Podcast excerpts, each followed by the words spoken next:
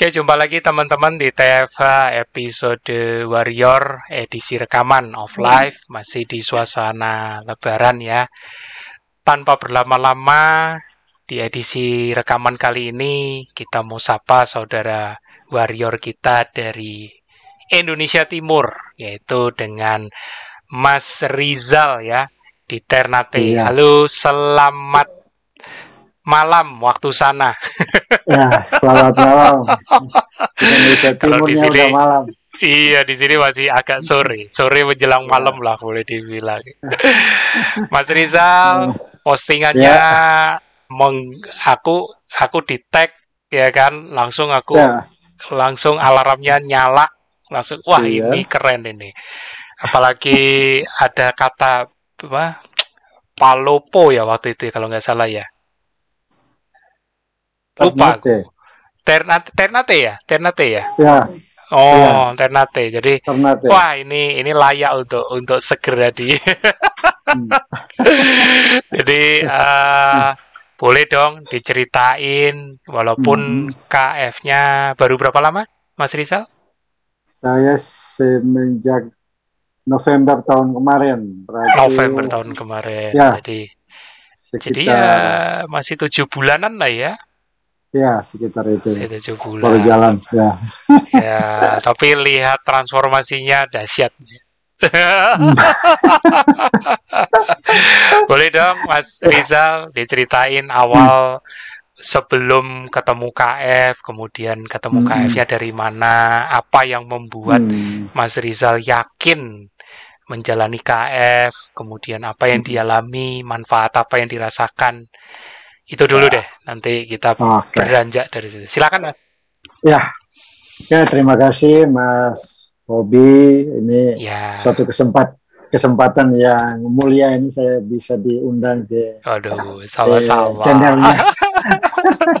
Sama-sama. Saya mungkin pertama saya mau ceritain sedikit terkait dengan saya mengenal ya KF ini. Hmm, hmm, Eh, sebelumnya saya memang udah eh, keluar masuk rumah sakit, keluar masuk dalam tanda petik eh, check up. Check up Oh, ini terkait oke. terkait dengan gula darah saya. Gula darah saya itu saya udah hampir tiga tahunan harus eh, rutin minum obat eh, diabetes Oh, karena karena apa ketika kita konsumsi dia eh, obat pun itu Hmm, pagi sama malam eh, Mhm. gula darah saya masih tetap di 200-an. hmm, Kalau kalau tidak minum itu udah pasti 200 lebih lah. 200 Hmm. lebih. hmm, hmm, Jadi hmm. memang disarankan dokter untuk tetap konsumsi obat gula. Waktu Hmm. itu saya metformin ya, metformin pagi Hmm, pagi hmm, sama hmm, sama malam. hmm, hmm. Jadi ini berlangsung tiga tahun itu lumayan lah. Oh, Eh, minumnya itu konsumsinya itu sudah lumayan. Terakhir kemarin saya merasa agak maksudnya bagian pinggang saya juga sedikit nyeri-nyeri.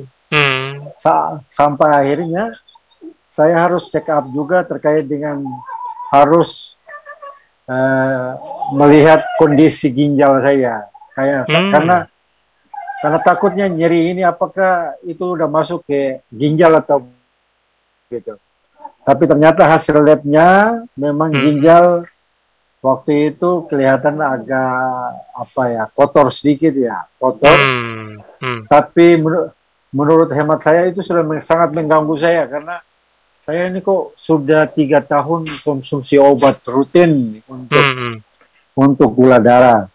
hmm. Apalagi kalau kita gak jaga makan mungkin eh, kolesterol sama darah tinggi tetap ikut itu ikut tetap Udah ikut. satu paket, satu paket, satu Ya. paket. ya. ya. Jadi Hmm, pertama itu saya coba pola makan ya ji- gak, gak makan maksudnya mak- konsumsi nasi sama itu tetap cuma dikurangi tapi Hmm. ternyata tidak tidak berubah juga hmm, ya tahulah kita kita di Indonesia Timur ini kan obat obat herbal, obat alami yang dari daun-daunan itu kan masih banyak Hmm. juga. Hmm. Dikasih saran minum ini, minum ini, tapi ternyata tidak juga. Gula Jadi- darahnya masih tetap di angka yang sama, Jadi tidak jadi kayak berubah-berubah. jadi Ah. kayak apa ini eh, kayak putus asa ya. Putus Karena asa berusaha, ya, karena berusaha menurunkan gula darah Iya. itu tadi. gula darah. Hmm. Jadi saya saya waktu itu kalau nggak salah kenal KF itu lewat YouTube juga YouTube. Nggak Oh. salah itu TV One-nya eh, apa? Heeh, heeh. Ada satu seorang ibu itu terkait dengan diabetes yang sudah Hmm. menahun tapi ketika mengikuti KF ini bisa eh, diabetesnya bisa normal gitu. Hmm. Saya- awalnya ketika coba membaca mengikuti apa yang disampaikan saya awalnya juga ragu loh ini makan daging makan lemak kok kolesterol bisa aman? Darah darah tingginya bisa aman begini wah. Saya coba mempelajari masuk ke grup eh, Facebook. Heeh, heeh, heeh.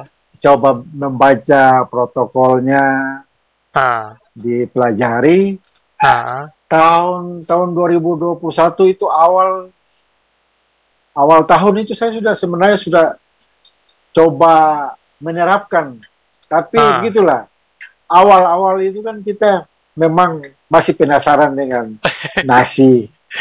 Apalagi apalagi kalau kita Indonesia Timur belum makan nasi itu belum makan sebenarnya. Oh iya betul, betul banget, betul sekali. belum makan betul. kalau tidak makan nasi itu belum makan Iya, padahal udah makan yang lain-lain ya, ya roti Iya. dan lain-lain snack Iya. udah makan, tapi Ah. belum makan nasi ya belum makan. belum belum makan belum makan Oke Jadi- oke oke.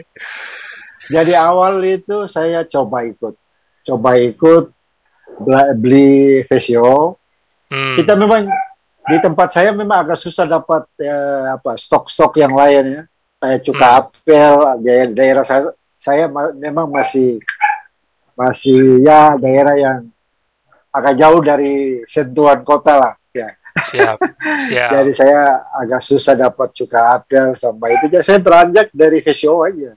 VCO itu pun kebetulan dulu dulunya pernah apa kelompok kelompok di kelompok apa PKK di sini Mm-mm. membuat keterampilan itu pernah diajari oleh apa eh, apa para LSM itu diajari saya coba meminta mereka untuk membuat nah, saya Hmm. konsumsi coba konsumsi saya konsumsi ternyata awal ya bul satu minggu pertama artinya ketika eh, mempelajari terus eh, ikut dan gagal ikut gagal itu sekitar bisa jadi sekitar tiga atau empat kali itu Pak Mas Hmm. Bob saya seperti itu maunya sehingga nanti di awal November itu saya wah ini gula darah saya nggak bisa nggak bisa turun nggak bisa dibantu ini kalau Hmm, nah, saya coba lah coba lagi hmm, coba hmm. seminggu itu coba itu memang coba disiplin betul nggak Hmm, nggak makan sudah nggak nggak kelain hati tetap hmm. makan karena kita di sini kan ikan kan lumayan ya ikan kita- saya konsumsi ikan Hmm. Ah, itu seminggu saya coba tes gula darah saya. Oh dari 200 itu turun ke 150 Wih. Itu. ya 150 itu saya enggak konsumsi obat lagi satu selama satu minggu. Saya bilang sama istri saya ah ini kelihatan kayak cocok so- sama sama saya. Cocok sama saya Iya. Kemarin-kemarin Ah. dengan bantuan obat eh, susah payah berusaha turun. susah susah turun dari 200 tapi ini enggak enggak pakai obat bisa 150 saya Makan bilang sama istri saya ya. Tapi tapi kata istri saya hei hati-hati. Cuma makan itu aja bagaimana bisa kuat? Uh, nasi lagi keluar. Iya. Saya bilang enggak, saya coba dulu lah. Saya coba dulu. Ini karena saya kemarin saya sudah bertekad harus harus ikut. Saya Hmm. coba lagi. Satu Hmm. minggu lagi Mas Bobby saya ikut. Mm-mm. Itu gula darah saya turun 120 Wih, satu minggu lagi. keren. Memang walaupun hanya eh, VCO, makannya memang ketat banget ya. Dari jam 8 sampai jam 12 itu baru minum lagi. Eh, Hmm. makan lagi. Hmm. Jadi ya di waktu puasa itu hanya masuk eh, kopi, kopi pahit itu sama Ah, VCO. ah. Nah, jadi karena memang stok yang ada itu hanya VCO, ya saya VCO aja. ini ini Ya. luar biasa. Jadi ini Ya. justru menunjukkan bahwa KF itu harus bisa dijalankan di mana pun.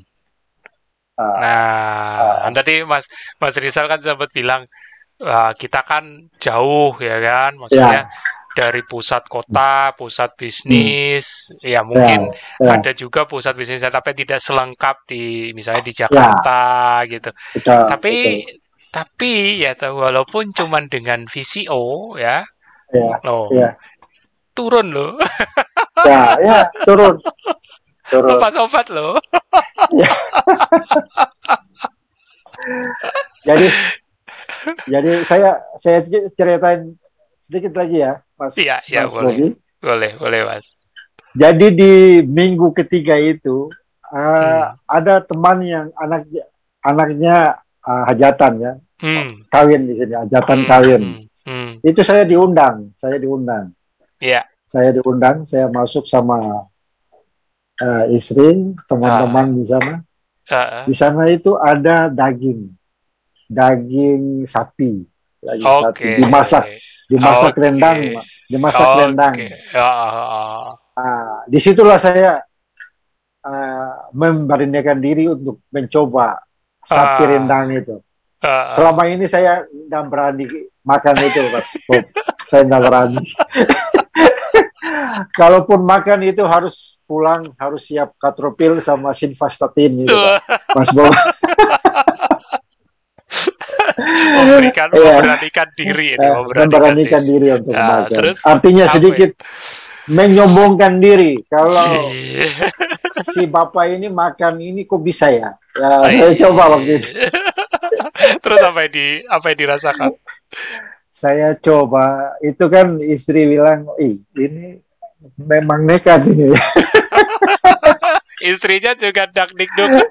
Takutnya teman-teman yang lain, teman yang memang se, sekantor itu kadang-kadang, ih Pak, udah bisa makan? Ya, saya pola hidup saya ini saya coba makan ini. Oke. Saya, saya ngambil ya eh, secukupnya saya makan. Ah, Saya makan sambil merasa menikmati dan merasakan apa ada perubahan tadi di bagian apa pangkal leher saya ini ada ada waspada. enggak? Iya iya iya. makan selesai wah Ah, nggak ada apa-apa biasanya kalau itu sudah pasti ada alarm di Ada alarm. ting ting kayak jarum gitu ya sudah Ini Saya coba, ada. saya tambah lagi pak mas waktu itu saya tambah. Padahal di protokol itu kalau yang awalnya daging merah itu kan belum ya. Saya Nanti aku jelasin. Tapi cerita dulu, cerita dulu. Oke oke. saya coba saya makan lagi ya. Tapi setelah itu pulang aman. Nggak cari katropil sama sinvastatin nggak. Saya bilang, wah ini memang asik ini. Pola Asik. hidup ini asik ini. Gejala yang ditakut-takutin diwaspadai nggak muncul-muncul. Ya muncul. Aduh. Ah, Seru seru. ah, Itu ya, momen terindah itu. Itu momen terindah banget Ah. itu. Ya, Sesuatu yang Lalu- dulu begitu ditakuti, ya kan, begitu iya, diwaspadai, bahkan kalau sampai kepengen harus ditakar, ya kan. ya, Tapi ini ya. bisa dengan bebas dan ya sempat sempat khawatir dak tiktok ini muncul nggak muncul nggak tapi ya oke okay juga. Ah seru Ya. seru apalagi Benar mas apalagi mas. Ya, Eh, jadi satu bulan itu saya ikut, hmm. Itu gula darah sudah 118 saya. Ketika- Wih, Memang check up-nya di rumah karena ada apa alat Eh, ukur tes Hmm. ya alat Hmm. ukur digital itu yang Hmm. kebetulan memang karena kita berhubungan dengan diabetes ya sudah disiapkan dari Hmm. jadi eh, ketika diukur dicoba itu ya 118 saya bilang wah ini sudah saya harus rutin ikut pola hidup inilah Ah, Keren.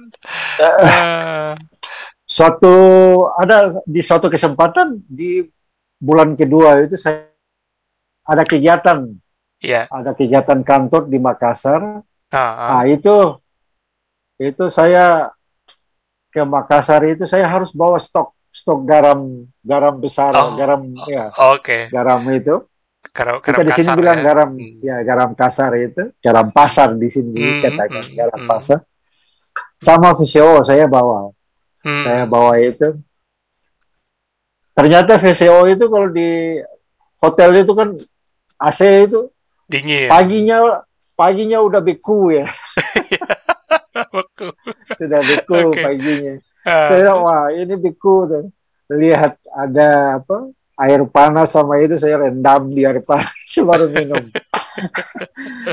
jadi memang ketika menu-menu hotel ini kan memang ada apa ada takaran mungkin takaran Hmm. gula yang dipakai ya, ketika satu, baru satu bulan saya saya ikut tapi ketika makan menu makanan di hotel itu setelah Hmm. itu terasa kayak apa eh, kepalanya kayak nyut-nyutan gitu ya. ah, kaki oke. kaki terasa ya, terasa itu di di kena kena jarum gitu kayak Hmm. iya iya ditusuk-tusuk begitu saya Hmm. pikir memang betul ini yang disebutkan di senior senior di grup ini ya Ah, ah, ah. saya waktu itu cuma cuma mem- dibekali dengan tadi garam sama itu cuma konsumsi itu aja garam waktu Ah, ah. itu karena waktu itu karena apa eh, yang saya dapat referensi itu kadang-kadang di grup itu ya, ya di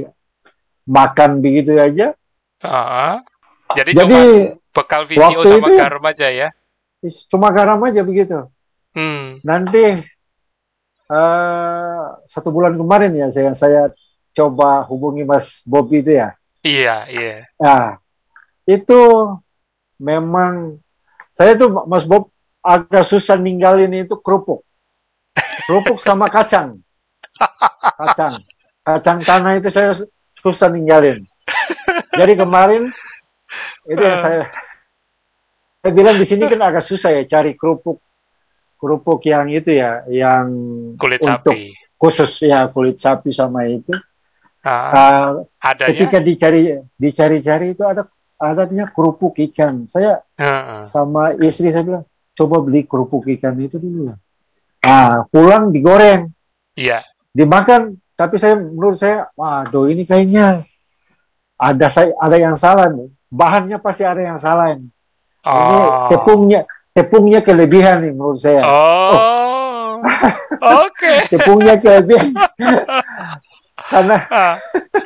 oke oke ah terus saya nanti seminggu kemudian baru mulut saya terasa itu hambar oh. kering kering Oke. gitu ah. terus kayak air liur ini kayak kok ada produksinya air liurnya kayak Berlebih. berlebihan gitu Hmm, hmm. saya merasa tidak enak lalu mencoba apa menghubungi Mas Bob Hmm, terkait dengan apa yang saya alami ya Hmm. dikasih masukan itu untuk me- apa, menyimak YouTube-nya Ah, channelnya ah, ah.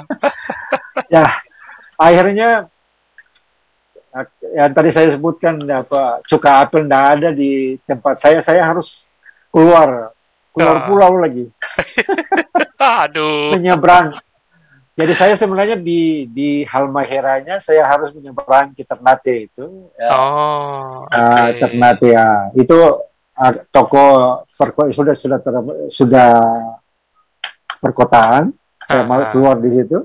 Ada. Nah, di sana saya dapat saya dapat cuka apelnya di sana. Hmm. Oh, saya bilang ah, ini ini Hmm, hmm, hmm. sudah menjadi ya, amunisi saya nanti balik. Oke. Saya balik ya saya ikut saya ikut apa yang disampaikan oleh Mas Mas Bob di YouTube. Ah, ah, Saya buat ah, minumannya itu, ah. campurannya itu, Iya. ya. Kemudian saya konsumsi hampir tiga tiga hari, baru gejala-gejala itu mulai mulai hilang. Ya. Mulai mereda ya. Ya, mulai mereda ya. Eh, oleh Pak siapa ya? Saya lupa namanya Pak H. Itu disuruh minum konsumsi. Iya ya. Dikonsumsi teh teh apa? Teh hijau. Hijau, Oh, teh hijau. Itu Oke. kebetulan saya yang ke Ternate itu juga saya belanja teh hijau. Hmm, hmm, Saya beli. Hmm. Memang kita harus menyeberang laut ke Ternate, Hmm. balik lagi. Aduh. Jadi ini sebuah perjuangan, tapi bagi saya ada manfaat yang saya dapatkan gitu kira-kira. Asik gitu. Mak makan bebas ya. Waduh, itu yang gak itu yang gak bisa ditukar itu. Ya, Habis itu jadi menu wajib dong. Daging Ya. sapi rendang itu jadi menu wajib itu. oh wajib. Oh, wajib. kalau kayak Oke, oke, oke. Wah, seru, seru. Jadi sekarang Ya. sudah terkontrol. Belum ke dokter tapi ya, tapi Iya, saya belum belum ke artinya dokter. kemarin saya saya juga mau mau nanya kalau kayak saya ke dokter Mhm. apa yang harus saya up gitu biar bisa bisa terlihat eh, Hmm. nilai-nilainya itu yang apa yang harus harus saya apa cek di sana gitu. Saya Hmm. kemarin lupa nanya. Namanya Oh, itu yang harus saya. Hmm. Siap. Aduh, pengalamannya luar biasa. Tujuh bulan, tapi dahsyat ya. Oke, kalau untuk diabetesnya sih eh, sebenarnya sederhana. Eh, kalau dari parameter gula darah puasanya sudah bagus, dokter nanti pasti akan minta pengecekan HbA1c. HbA1c itu pengertian sederhananya kadar eh apa?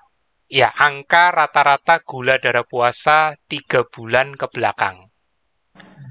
Nah, jadi gula darahnya Mas Rizal udah bagus nih. Eh, udah dari 200 turun 150, turun lagi 120, sekarang 100 118.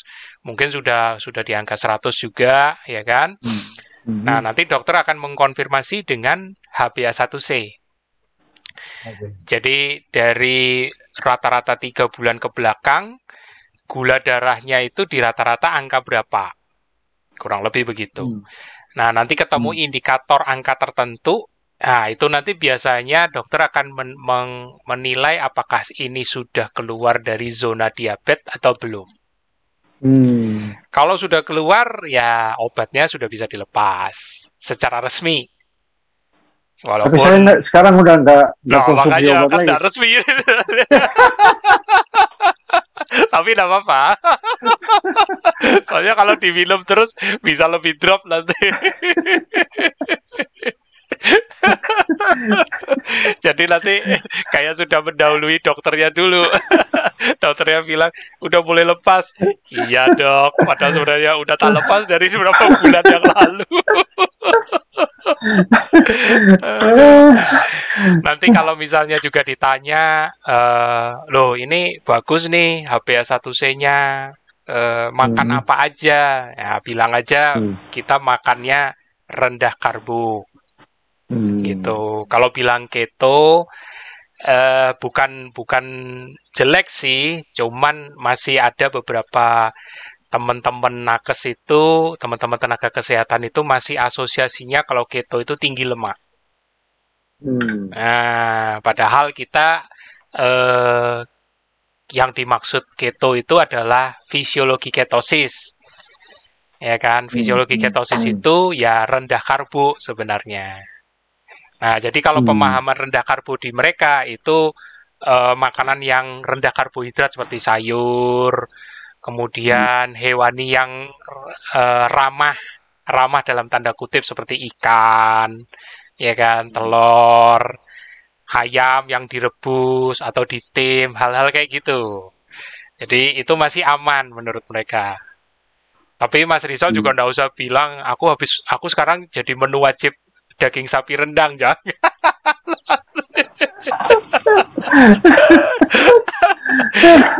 jadi hindari yang nggak perlu untuk jadi perdebatan nih beratnya gitu. Kan tujuannya kita mau dapat afirmasi secara medis bahwa uh, oh ya saya sudah lepas dari diabetes, ada datanya, ya kan? HbA1c-nya bagus jadi saya sudah resmi bisa lepas obat. Ibaratnya gitu. Sudah remisi lah dari diabetes. Nah, nah ini kebetulan juga eh, barusan materiku tentang diabetes juga sudah selesai. Cara deteksi dan sembuh. Nanti bisa disimak. Hmm. oke oke gitu. Nah itu itulah uh, apa ini maksudnya untuk konsul ke dokter nanti apa yang diperiksa. Nah, kalau yang lain-lainnya misalnya mau sekalian medical check up atau general check up boleh ya kan? Tapi ya, ya. nanti untuk hasil yang selain HbA1c dan gula darah puasa diterima aja dulu dari dokternya. Misalnya dokter melihat ini kolesterolnya masih tinggi nih, hati-hati nanti hmm, resiko hmm, apa ini penyumbatan, resiko jantung koroner segala macam ya kan. Hmm, Apalagi hmm. kalau AU-nya masih tinggi gitu kan terdeteksi hmm. gitu. Jadi kadang-kadang dokter uh, apa ini kayak sedikit wanti-wanti kalau bahasa Jawanya itu. Uh, hmm, apa ini awas gitu loh minta kita ya. waspada ya, ya diain dulu gitu aja hmm. ya kan Justru dari general check up, aku nanti bisa lihat profil metabolismenya Mas Rizal kira-kira sudah sudah membaik, jalurnya sudah benar menuju membaik atau tidak. Gitu. Hmm. Terlihat kok nanti. Kalau general check up kan eh, SGOT, SGPT juga dicek, fungsi ginjal juga dicek, ya kan? Hmm. Kemudian parameter ureum kreatinin termasuk apa ini laju endap darah juga dicek ya kan hmm. parameter darah lengkap itu juga dicek sel darah putih sel darah merah imun nah itu nanti terlihat dari situ gitu ya. Cuma nanti bahasnya jangan di depan dokter ya. Dokternya bilang apa? Oh, ya. Aduh. Nah, tadi sempat bahas tentang apa ini? Uh, uh, tentang rendang sapi ya. ya nah, ya, ya. itu itu kenapa kok tidak tidak muncul lagi? Karena sebenarnya yang menyebabkan muncul ada dulu ditusuk-tusuk di belakang ini itu itu bukan kolesterol sebenarnya. Hmm. Nah, jadi kolesterol yang menyebabkan ini sakit itu Pokoknya intinya ingat, sakit itu sebenarnya bentuk peradangan. Nah, jadi, jadi kalau kita meradang, kalau ada bagian tubuh kita meradang, misalnya di sini kita habis misalnya angkat beban, misalnya di sini ya hmm. sakit kan yeah. angkat beban, sakit di sini itu itu sebenarnya peradangan. Tapi kita tahu sakitnya karena kita angkat beban. Nah, hmm. nah sekarang kalau misalnya sakitnya di jantung misalnya, tahu-tahu celekit gitu kan. Nah, yeah. jangan langsung parno itu kolesterol, jangan. itu berbicara inflamasi, ada ada inflamasi di sini nih, ada peradangan di sini. Dan biasanya tidak jauh-jauh yang bikin peradangan itu nomor satu imunnya dulu. Jadi sistem tubuh kita itu punya sistem pertahanan. Anggaplah tubuh itu kayak negara, imun itu seperti tentaranya. Jadi kalau ada ada problem, problem keamanan, ya kan, tentaranya yang bergerak dulu. Tentaranya yang bergerak dulu menuju lokasi di mana terjadi problem itu. Nah, nama sak, nama penyakit nama sakit itu berdasarkan lokasinya. Jadi kalau nama penyakit jantung, jantung koroner, nah itu berarti terkait lokasinya di jantung, di pembuluh darahnya. Koroner itu pembuluh darahnya. Kalau di ginjal ya berarti namanya penyakit ginjal. Ya kan? Di liver itu juga penyakit liver, pada peradangan di situ. Nah, itu Mas. Jadi Iya. Jangan langsung parno wah ini kolesterol jangan ini ini ada res ada inflamasi yang muncul di situ yang memancing imun datang di situ nah kalau dulu muncul karena pada saat makan itu kan bareng sama nasi Hmm, hmm, hmm. nah Ya. jadi ja- aku sih tidak menyalahkan karbohidratnya. Tapi pada saat Mas mengalami itu, mengalami sakit itu, kondisi tubuh Mas sebenarnya sudah tidak efisien metabolismenya. Kenapa aku bisa bilang tidak efisien? Mas dulu kalau makannya kurang dari tiga kali sehari, pasti lemes. Itu. Nah, jangankan tiga kali, agak susah. Mesti minimal lima kali ada snacknya soalnya. Kalau tidak ada snack, jangan harap bisa bertahan ideal tiga kali sehari makan cukup. Belum tentu. Harus ada snack supaya bisa tahan. Nah, Lima kali itu. ya. Nah, jadi bayangin kondisi tubuh yang sudah sangat tergantung dengan glukosa tadi, Hmm. kemudian dibarengi ya dibarengi dengan lemak yang tinggi juga walaupun makan rendangnya sekecil aja ya kan waktu itu. ya sudah, kayak kayak dilemparin kalau di perang itu kayak dilemparin granat masuk gitu kan. Jedur gitu terus sakit di sini. Gitu. Nah Oh. pada saat Mas kemarin momennya pada saat hajatan kok tidak sakit?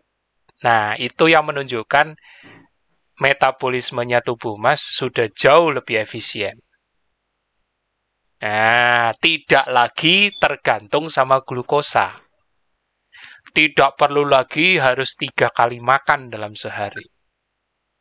Ya, Mas kalau menganggap tubuh Mas itu mesin, ya kan, alat suatu Ya. mesin, ya kan, mobil atau gimana, Mas lebih pilih mana? Yang sehari lima kali isi atau sehari cuma sekali isi? Itu, Mas. Ah. Jadi kita kemarin itu ya Hmm. ketika badan badan mengecil itu kan wah, banyak yang bertanya Wah, itu betul. sakit ya sakit ya. Ah, betul. Saya bilang kalau memang bilang sakit ya saya kemarin itu kan gula darahnya tinggi ya. Iya. Tapi sekarang saya aman, aman-aman aja. Hmm. Tapi kok- Kok jadi kurus ya? Ya saya bilang saya bukan target kurus sih, tapi akibat dari apa pola makan saya ya saya dapat berat badan saya turun. Ya Hmm. syukurlah saya bisa bisa pagi-pagi bisa leluasa ngikat tali sepatu. Ai. Dulu kan susah. Merunduk itu kan susah. Dulu terarang pelut.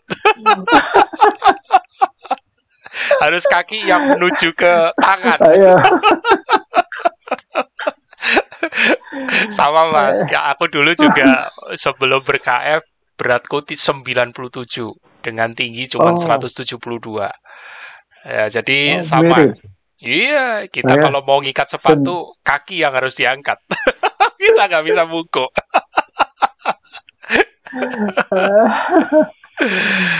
Nah, untuk yang bulian, ya kita semua mengalami.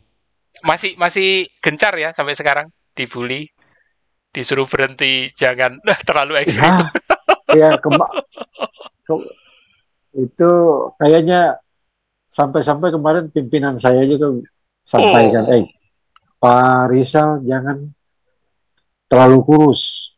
Jadi jadi pimpinan unit jangan terlalu kurus nanti dikira stres. Takut citranya, citra ini BUMN-nya tercoreng. Kepalanya bikin stres nih. Oke. Saya bilang Pak, saya saya sehat kok, saya sehat. Nah, tunjukkan nanti hasil labnya, ya kan? Ya.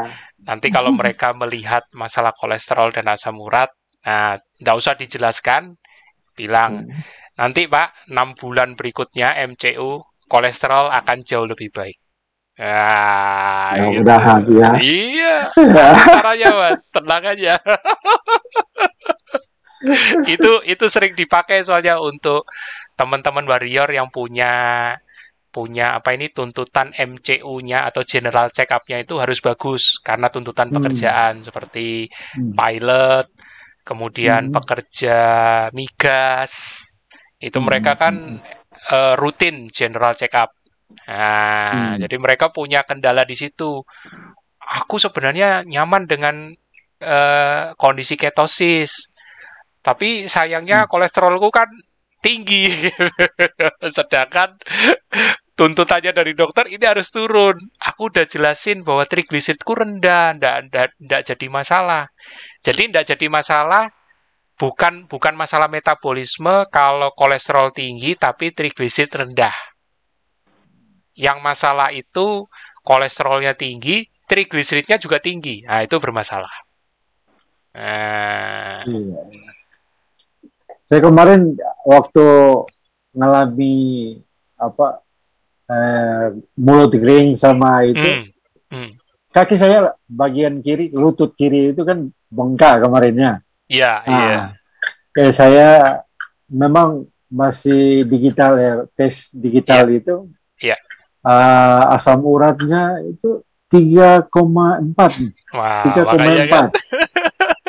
Kemudian kolesterolnya itu memang agak tinggi 230 kemarin, Iya, 230. Iya. Gula, gula darah kemarin itu di angka 123 kalau nggak salah. Ya. Oh, 123. Oke. Nah, 23. Nah, Heeh. nah. Terus saya kan saya nanya sama Pak Mas Bob, Heeh. ini apa asal urat saya rendah kok bisa Bengkak. sakit ini. Orang orang rumah semua pada bilang ini asam urat. Tapi ternyata Asam urat aman. Itulah. Dan gula darah puasanya Mas Rizal eh, 123 itu aku 23. masih ya aku masih tolerir karena kan baru Nah. ini boleh dibilang tujuh bulan kan. tujuh bulanan. Nah, ya. apalagi Nah. dulu punya riwayat diabetes di mana rutin Ya. gula darah puasanya di atas 200 tanpa obat. Hmm. Nah, ini aku selalu bilang ketosis itu bukan ditentukan dari angka gula darah puasa 80 seperti di Hmm. protokol. Hmm. Aku bilang Mas Rizal saat ini kondisinya sudah ketosis. Nah, Iya. iya, Iya. walaupun Iya. gula darah 118 kalau lagi sehat, lagi tidak ada Hmm. gejala, kan gitu. Tapi Mas tinggi Iya, iya. banget, bahaya nggak? Loh, itu nggak bahaya, itu masih proses adaptasi Mas Rizalnya. Iya, iya. Nah, iya. jadi kenapa gula darahnya bisa banyak meningkat seperti itu belum bisa di bawah 80? Karena masih banyak sel-sel di tubuh Mas Rizal yang masih belum efisien. Nah, sel-sel yang belum efisien itu masih butuh glukosa. Tapi bedanya suplai glukosanya bukan lagi dikontrol sama mulut kita. Dikontrol sama pabrik liver kita yang menghasilkan glukosa. Ah, bahannya dari mana? Iya. Ya, yang jelas bukan dari karbohidrat. Jadi liver kalau bikin glukosa itu supaya sesuai kebutuhan bahannya bukan dari karbohidrat. Tapi bahannya dari selain karbohidrat, yaitu dari protein sama dari lemak. Protein itu ada yang sifatnya asam amino glukogenik, nggak usah dihafalin. ya. Tapi sifatnya kalau glukogenik berarti asam amino itu mudah dirubah menjadi glukosa. Itu kalau proteinnya. Kalau yang lemaknya itu yang nanti dirubah jadi glukosa adalah gliserol Itu komponennya. Jadi kalau Mas makan hewani, makan ikan, makan telur, makan daging sapi rendang, itu sebenarnya mensuplai bahan baku untuk pembuatan glukosa bagi liver. Tapi yang kontrol livernya. Kontrol hmm. untuk berapa banyak dari bahan baku yang udah masuk itu, berapa persennya yang dirubah jadi glukosa. Nah, hmm. Nanti seiring waktu sel-sel tubuhnya makin efisien, makin bagus, sel-sel yang efisien tidak lagi perlu pakai glukosa. Karena akan disuruh sama liver. Kurang lebih nih bahasa kasarnya. Eh, kamu kan udah sehat, bilang sama sel yang dulunya udah sa dulunya sakit. Dia bilang gini livernya, kamu kan sudah sehat, aku nggak perlu lagi suplai glukosa ke kamu. Kamu harus bisa bakar lemak. Nah, akhirnya sel-sel yang nggak efisien makin lama makin turun jumlahnya. Di situlah gula darahnya nanti turun lagi dari 100 turun di bawah 100 jadi 90. Itu. Jadi yang fase-fase ini kita di tahap fase yang pertama ini juga aman-aman aja ya? Aman-aman aja, Mas. Jadi tidak usah galau dengan gula darah masih 100. Justru pada saat Mas merasakan sakit di kaki itu kan uh-huh. ada inflamasi dong. Iya kan? Yeah, ada yeah, inflamasi yeah, di situ. Iya, iya sel-sel imun yang lagi lari ke lokasi problem tadi, Mas boleh percaya enggak, itu bahan bakarnya supaya mereka cepat respon, itu bahan bakarnya gula, Mas. Nah, hmm. dan tebak, yang supply siapa? Liver juga. Makanya gula darah Mas naik dari 118 jadi 120 23. Ah. Padahal Mas tidak makan karbo kan? Iya, iya, iya. Tapi banyak ya. teman-teman yang masih galau. Aku salah makan ini. Padahal nggak salah. Jadi, jadi Mas Bob kemarin ya. itu pas bengkak kakinya itu ya. anak perempuan saya itu kan udah udah dewasa. Iya. Katanya gini, Papa, eh hati-hati. Uh, Sebaiknya makan makannya balik lagi makan biasa dulu itu sakit. Ayo, aduh. Ya. Sudah sehat masa balik lagi. Lah itu. Tapi sekarang udah turun kan? Udah turun kan? Ya, sudah turun. Udah, udah bisa nah. bergerak. Tadi udah jalan agak jauh juga, lumayan. Ya. Nah, jadi Mas Bob kemarin saya juga sempat maksudnya artinya ketika sakit kemarin saya bilang kita dengan pola makan ini kalau kalau kalau nanti kita eh, dibawa ke rumah sakit atau gimana itu hmm. gimana hmm. nanti ya? Nah sebenarnya hmm. Prosedur di rumah sakit itu dilakukan harus ada dasar. Jadi ya. contoh misalnya yang selalu ditakutin di rumah sakit itu infus. Nanti kalau diinfus glukosa gimana, Mas? Aku selalu bilang, kalau diinfus glukosa di kondisi gula darahnya kan di, diukur dulu dong gula darah kita. Kalau ternyata gula darah kita masih normal, masa diinfus glukosa? Nah, jadi kita juga harus jadi pasien yang kritis. Ya kan? Minimal keluarga kita juga harus paham. Bukan kita hmm. mau titip pesan nanti kalau aku nggak sadar jangan sampai masuk hmm. infus glukosa. Jangan gitu juga. Kasih pemahaman gitu loh. Nggak usah takut. Nggak usah galau ya kan? Tapi percayalah juga dokter melakukan itu kalaupun sampai harus infus glukosa dengan dasar yang memang jelas itu konteksnya kan berusaha menyelamatkan nyawa ya. Jadi kalau memang konteksnya itu jangan dihalang-halangin. Biarkan dokter melakukan SOP-nya dulu. Ya kan? Ingat, ya. ketosis yeah. itu bisa dikejar lagi. Karena begitu gula da, gula kita apa de, glukosa kita meningkat karena dimasukin glukosa, ya ketosis batal sebenarnya. Cuman itu aja. ketosis batal itu artinya keton liver nggak lagi produksi keton, cuman itu doang. Hmm. Nah, kita jadi mungkin craving lagi sama karbohidrat, seperti hal kayak gitu. Tapi di kondisi kita udah sadar dan tubuh kita udah stabil kondisinya, ya kita bisa kejar lagi ketosis ya. Kita bisa pilih lagi makanannya, iya kan? Kalau kondisi kita udah stabil. Nah, itu. Jadi jangan galau. Lihat dulu permasalahannya apa. ya. Jadi tapi ini harus bersyukur karena ketika Ya. tujuh bulan jalan ini artinya saya cukup ketat untuk ngikut protokol. Memang tidur kadang-kadang kelewat sedikit ya. Sekarang jangan fokus lagi di pola makan. Ya. Karena pola makan itu Mas sudah lampaui, goalnya sudah dapat. Sekarang Mas Rizal harus belajar mengenali eh, keseimbangan di pola hidupnya. Nah, jadi pola hidup itu 24 jam, Mas. Mas harus tahu Hmm. dalam 24 jam itu porsi stresnya sudah berapa banyak.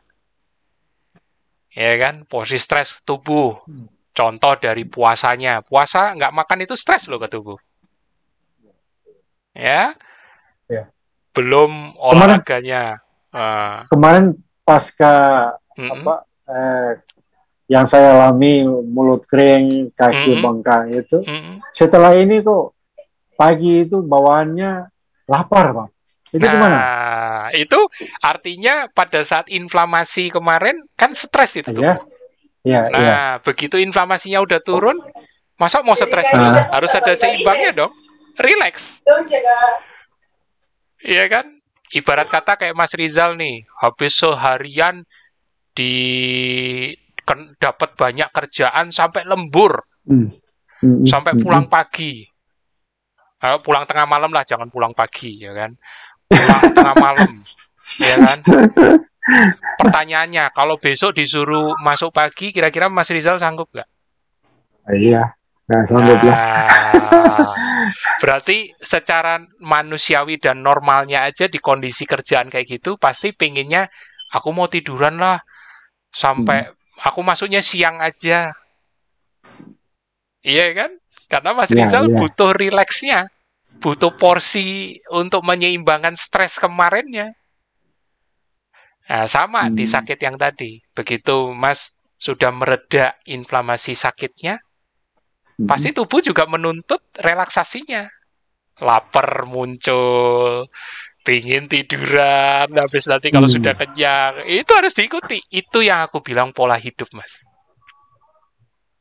Ya, mengenali sinyal-sinyal alami tubuh seperti itu. Itu. Jangan nanti, wah ini sakitnya belum beres nih, menurut aku belum tuntas. Aku hajar puasa lagi, nambah stres itu namanya. Itu yang harus dihindari ya ah, Tapi sekarang, tapi Iya. sekarang ketika kondisi ini kan tubuh kita terasa enak, ringan, Hmm. bergerak juga apa, Hmm, hmm, jadi enak gitu. betul Ya menurut saya sudah kalau kemarin kan harus minum obat tiap hari ya. Sekarang nggak lagi itu cukup lah. Bagi bayangan saya cukup. bayangan minum obat rutin terjadwal itu Ya, sudah aduh. rasanya ini ya Saya pikir wah ini ginjal ini sudah masuk. ya. Jadi Mas Bob kemarin itu ketika aku mengenal KF, kemudian ada teman rekan kerja ya, rekan kerja kami Hmm, juga kena jantung ya, kena Oke. jantung. nah, Nah, waktu itu saya sempat ngomong, hmm, wah saya punya ada satu pola pola hidup yang Mm-mm. yang saya ikuti ini eh, apa diabetes saya sampai sekarang saya rasa sudah cukup normal bagi saya. Karena Hmm, kemarin minum obat di atas 200 tapi sekarang nah, hmm, baru sempat ngomong bercerita dia minta saya share bacaannya. Hmm, hmm, itu hmm.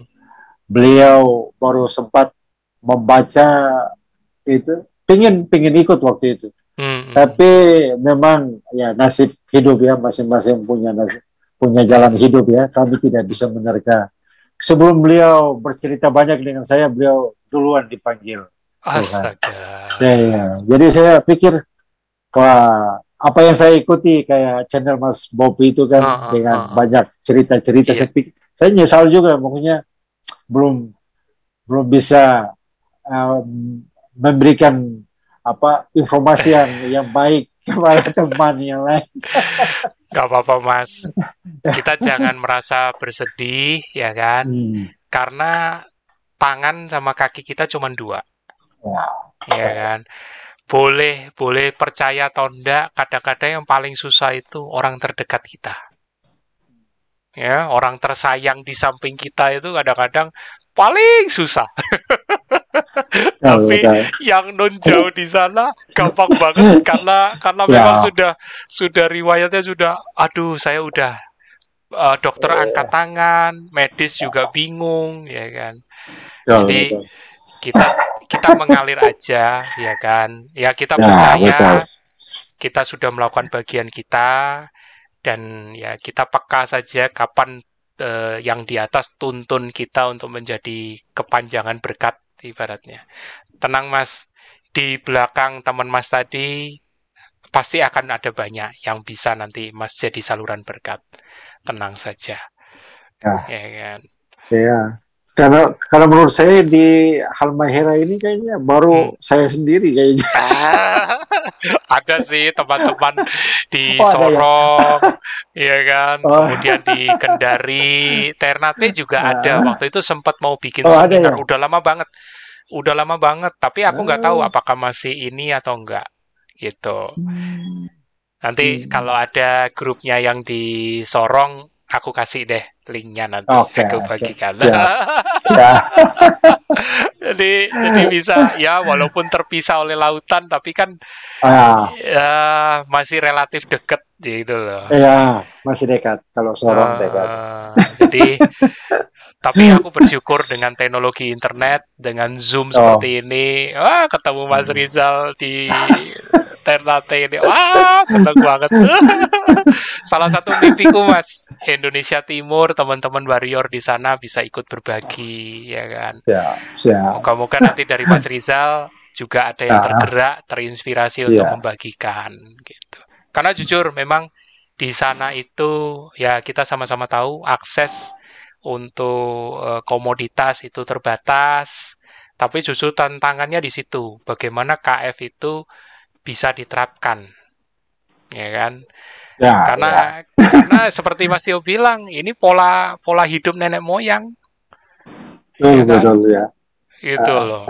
jadi jangan pernah berpikir amunisi juga harus dikonsumsi seumur hidup. Wah itu. Sehatnya sembuh kalau itu. Gitu.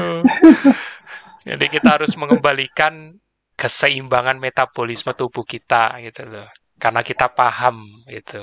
Karena kita paham tubuh kita seperti apa. Dokter membantu dari segi medis karena me- mereka yang lebih tahu tindakan medisnya. Mereka yang lebih tahu SOP-nya kita kan tidak tahu kita tidak punya hak ke sana.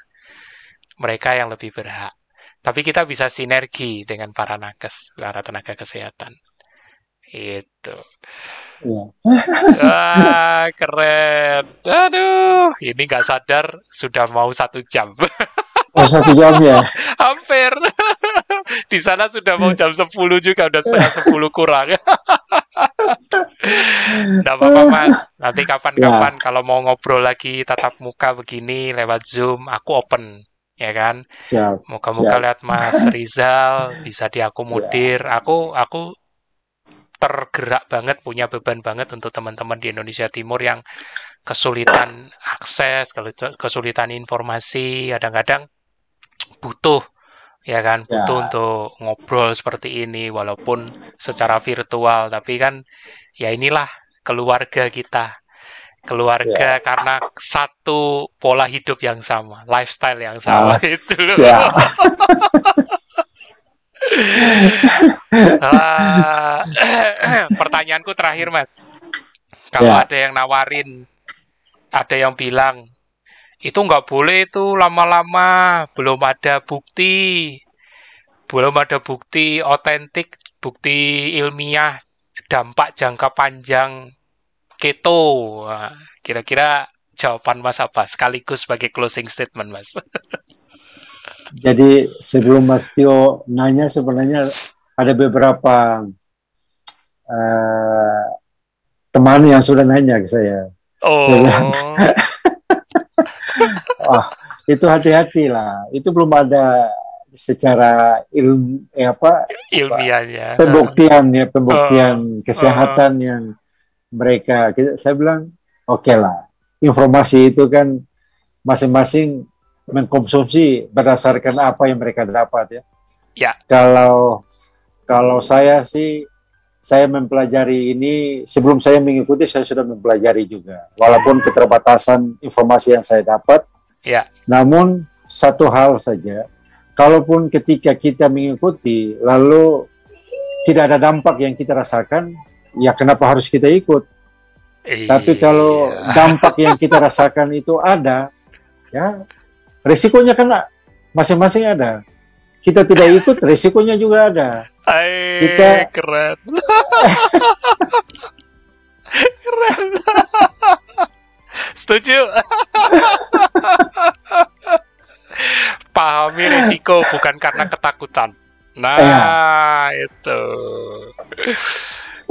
Setuju banget. Setuju Jadi kan banget. kalau kita tidak ikut kan resikonya gulanya ada, ya itu tadi. ya, Resiko ke ginjal, resiko ke jantung dan itu pasti ada lah. iya, betul banget. Aduh, keren.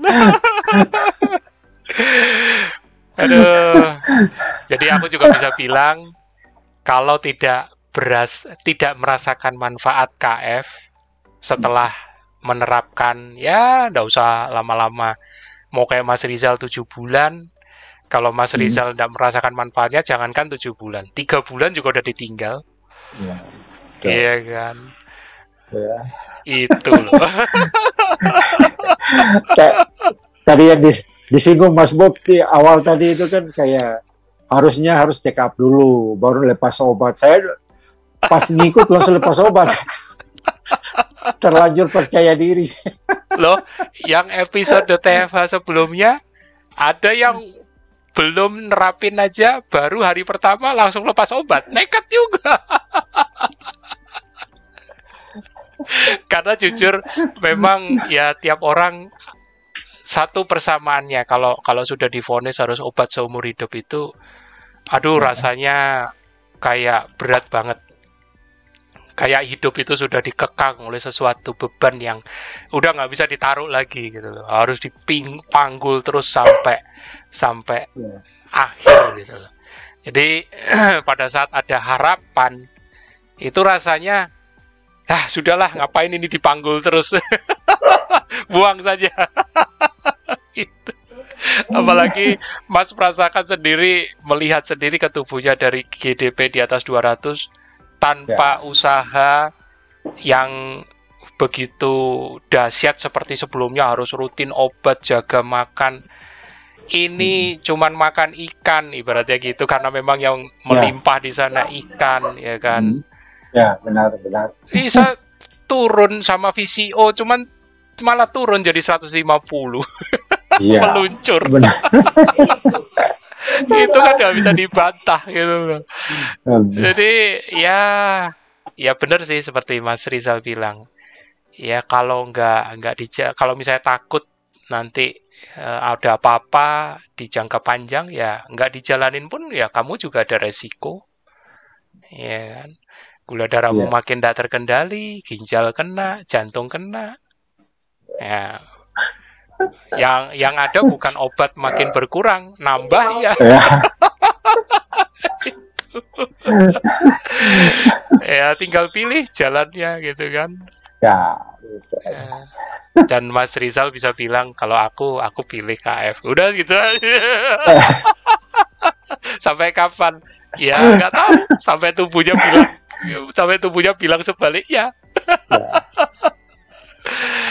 tapi jujur nih Mas berasa diet nggak Enggak, Enggak. enggak. Makannya, makannya melimpah. Ah, keren, keren, keren. Aduh, terima kasih Mas Rizal untuk closing statementnya juga, ya Ya. kan? Ya. Aku pikir ini ini pernyataan yang bisa mencelikkan ya, menyadarkan, menggugah. Ayo, mau sampai kapan? Resiko tetap ada kok, ya kan? Hmm. Tapi minimal di KF ini kita tidak berbicara hanya makanan. Memang di awalnya adaptasinya lewat makanan dulu karena di zaman modern ini ada ada nggak sih yang secara normal sudah ketosis selain bayi yang baru lahir? Bayi yang baru lahir kan tidak bawa pohon permen, tidak bawa pohon gula. Dan itu dokter-dokter juga sudah mengakui bahwa bayi yang baru lahir itu terlahir ketosis. Tapi seiring dengan perkembangan tumbuh kembangnya, dikenalkan dengan eh, asupan yang nutrisi yang diperlukan menurut pemahaman zaman modern. Nah, di situlah historinya sindrom metabolik itu mulai ke mana-mana, ya kan? Itu. Jadi ya kita harus mulai lebih melek lagi, harus lebih sadar lagi. Ya, itu tambahan statementku mas untuk closing statementnya Siap. Mas Rizal. Keren. Tetap men- tetap semangat, me- menyemangati jadi living proof di Indonesia Timur, ya kan? Moga-moga akan banyak living proof living proof lainnya. Terima kasih Siap. Mas Rizal. Ya, Ya. aku senang banget dapat di Indonesia Timur. Aduh. Oke, teman-teman. Oke. eh, waktu juga yang membatasi, tapi percayalah, episode-episode seperti ini tak akan pernah hilang, tak akan pernah habis, akan selalu ada pengalaman unik, ya. Di mana pun teman-teman warrior berada, teman-teman terbuka. Aku terbuka untuk menerima kalau memang ada yang tergerak untuk berbagi testimoni. Monggo, silakan. Tapi aku akan selalu pantau di grup, ya, di grup Facebook ataupun kadang-kadang di eh, media sosial lainnya. Jadi pastinya teman-teman jangan pernah lelah untuk berbagi, jangan pernah lelah untuk sharing. Karena siapa tahu sharing teman-teman bisa menjadi berkat, bisa menjadi jalan keluar buat teman-teman lain di sana yang punya masalah yang sama. Oke? Sampai jumpa dan dadah.